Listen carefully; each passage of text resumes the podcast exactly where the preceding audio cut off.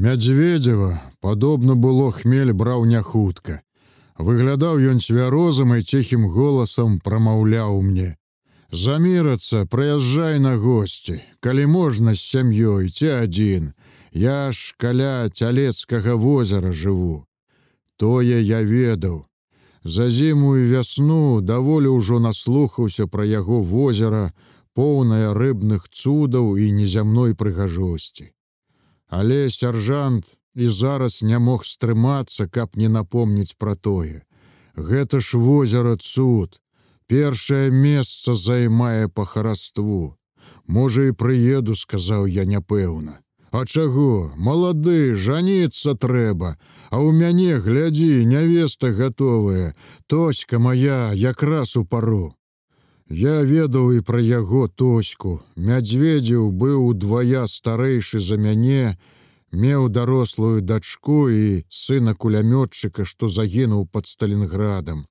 Засталася адна дачка, во ён і стараўся годна уладкаваць яе ў жыцці. Але наўрад ці я гадзіўся ў жаніхі да алтайскіх нявестаў. Заду між мной мядзведзевым праціснуўся санінструктор Пятрушын з перакручанай на галаве пілоткай і з чырванелым тварам. Гэты ўжо быў на добрым падпітку.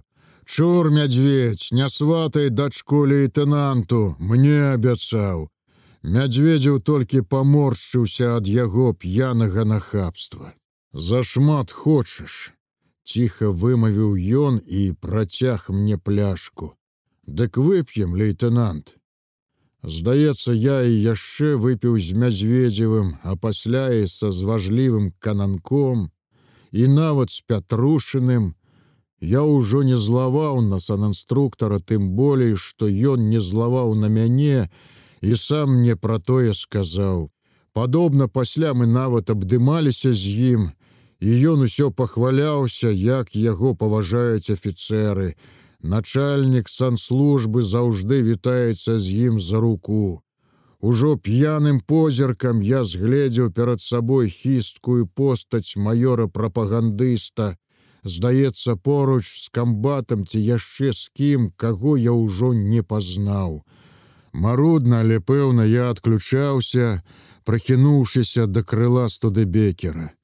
Нейкі час яшчэ чуў вялікую гаману побач, як скрозь пілі, спявалі, смяяліся, а некаторыя і плакалі п'янымі гаручымі слязьмі, аж покуль узварушаную лугавіну не змарыў п'яны сон. Як я заснуў, дык і не прыкмеціў, але прачнуўся раптам на золаку намацаў ля галавы вялізнае пыльнае кола студабекера і неяк учапіўшыся за яго сеў. На ўсёй лугавіне стаялі ў разброд нашы студыбекеры, ніхто іх не параўняў, як учора паставілі, так і засталіся. І між іх пад станінамі гармат, на стаптанай траве, у кузавах і парашчыненых кабінах ляжалі, спалі, храплі салдаты, савецкія ў перамежку з амерыканскімі, хто дзе і хто як. Побач выцягся той учарашні негр, што хацеў мяне вымяніць ордэн. На ягоныя ногі ўзлёгся хтось з нашых, пад ім утаптаны ў зямлю валяўся чысці карабін. Кабуру амерыканца ўжо быў пусты расшпілены, Мабыць, ужо падарыў камусьці свой кольт, ці памяняў на гэта ржавы карабін. Я з натугай падняўся на ногі. Балела галава, нязвыклая слабасць адчувалася ў целе, але новае памкненне адразу ахапіла мяне. Я памятаў прыкладна, з якога боку мы сюды прыехалі, і хістка пабрыў тым накірунку. Абыйшоў студыбекеры сваёй батарэі, нідзе не згледзеў камбата і падумаў, што так можа і лепш. Праўда, наткнуўся на знаёмыя боты санінструктара Пятрушына, які, звесіўшы ногі з расчыненай кабіны, салодка спаў на мяккім сядзенні. Мусяць перабраў, падумаў я, хоць сам быў не ў лепшым стане. Сонным правулкам скрозь застаўленым пераправачнымі амфібіямі выйшаў на галоўную дарогу. Усюды было пустэльна і бязлюдна, бы пры канцы свету. Скрозь усе ўсюды спалі, у машынах, на падворках ды, мабыць, і ў дамах таксама, пасля вялікай натугі вайны. Апанаваны пэўнай мэтай пабрыў па дарозе на ўсход, раз за разам азіраўся, чакаючы, што недзе з'явіцца якая машына, ды не з'яўлялася, не даганяла, нідзе не было ніякай. Тым часам зусім развіднела. Блакітнае ранішняе неба было без адзінай хмурынкі. Першы дзень міру, вялікі дзень перамогі. Урэшце наперадзе з'явіўся нейкі аўтамабіль з двума афіцэрамі ў кабіне, але ён ехаў насустрач. За ім праз працяглы час паказаліся два прысадзістыя аўстрыйскія аўтамабілі з кузавамі, поўнымі вызваленага еўрапейскага люду. Іх было чутна здалёк, яны гарланілі свае песні, ім было весела. Я ўсё спорна крочыў і крочыў, пакуль гарадок не застаўся далёка ззаду дарога стромка прастала па ўзбярэжжы даволі шырокай ракі. На тым яе беразе, здаецца, таксама пролягала шаша, і дарожны рух там быў куды больш, чым тут. Аўтамабілі так існавалі ў абодвух кірунках, і я здагадаўся, што там амерыканцы. Рака сталася мяжой паміж дзвюма зонамі. Але што мне было рабіць? Здаецца, я памалу цвяразеў пасля ўчарашняга і ўсё выразней адчуваў авантурнасць майго намеру.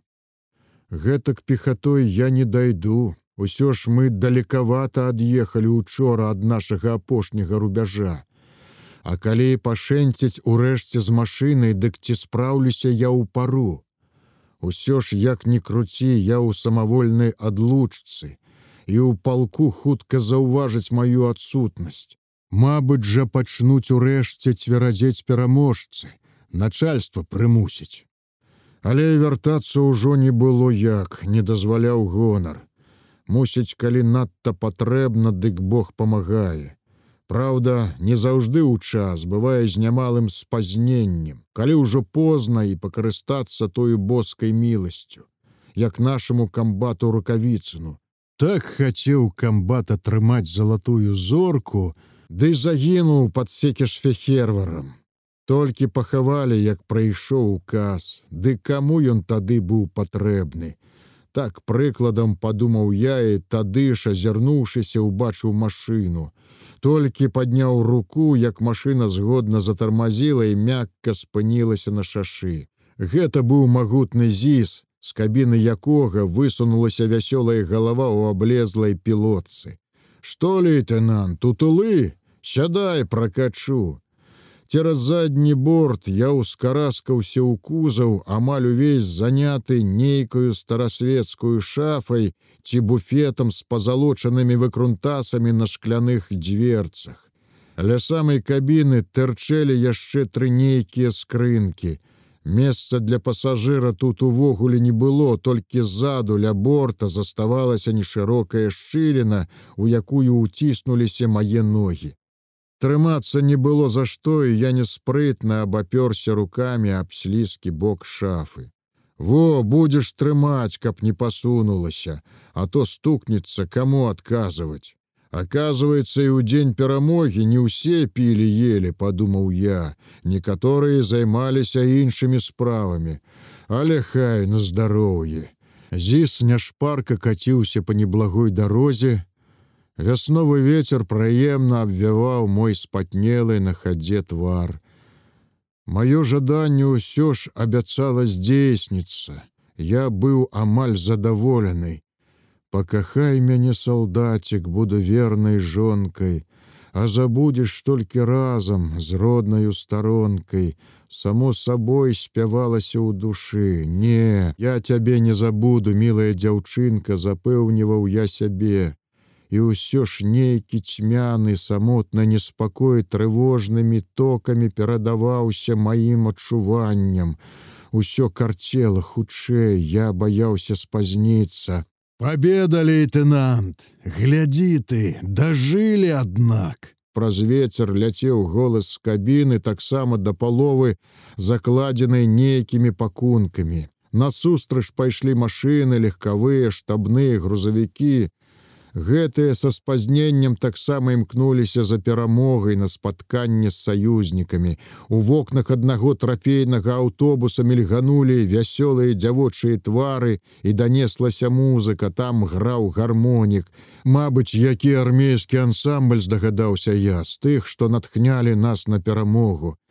Спазніліся, аднак, на вялікае спатканне. Трэба было раней. У знаёмым бязлюдным учора гарадку цяпер ва ўсю буяла ажыўленне, сапраўдны вулічны фэст з безліччу людзей і, як я зразумеў, не толькі аўстрыйцаў. Сюды збіраліся, здаецца, з усяго наваколля, з недалёкіх горных паселішчаў. На плошчы ля кірхі замільгалі сцягі, французскі трыкалёр, англійскі і яшчэ незнаёмы нейкі. Гэта тоўпіліся іншаземцы, сагнаныя гітлерам з усёй Еўропы для працы на вайсковых заводах. Цяпер яны вольныя і імкнуцца дадому, кожны ў сваім кірунку і пад сваім сцягам. Мне таксама трэба было дамоў, але моя чарга яшчэ не настала. Зноў жа мяне тут чакала яна. Трохі ад'ехаўшы ад люднай плошчы, зіс крута завярнуў на нейкі прасторны падворак і стаў. Вясёлы шафёр саскачыў на брук. Прыехалі, табе куды лейтенант, мне далей. Што ў армейскі тыл? Не, туды я не паеду. Заклапочаны я азіраўся па баках. У двары ўжо стаялі два студыбекеры пусты і чымсьці гружонай. Але куды яны едуць і калі, запытаць не было ў каго. Я абышоў іх з другога боку і пад тынкаванай сцяной убачыў веласіпед. Жоўтыя з дрэва ў ёлачку дзверы, ля якіх ён стаяў, былі зачынены, ніхто адтуль не выходзіў. Я асцярожна ўзяў веласіпед і развярнуў яго колам да вуліцы. Ніхто мяне не спыніў, не крыкнуў, і я пакаціў на асфальт.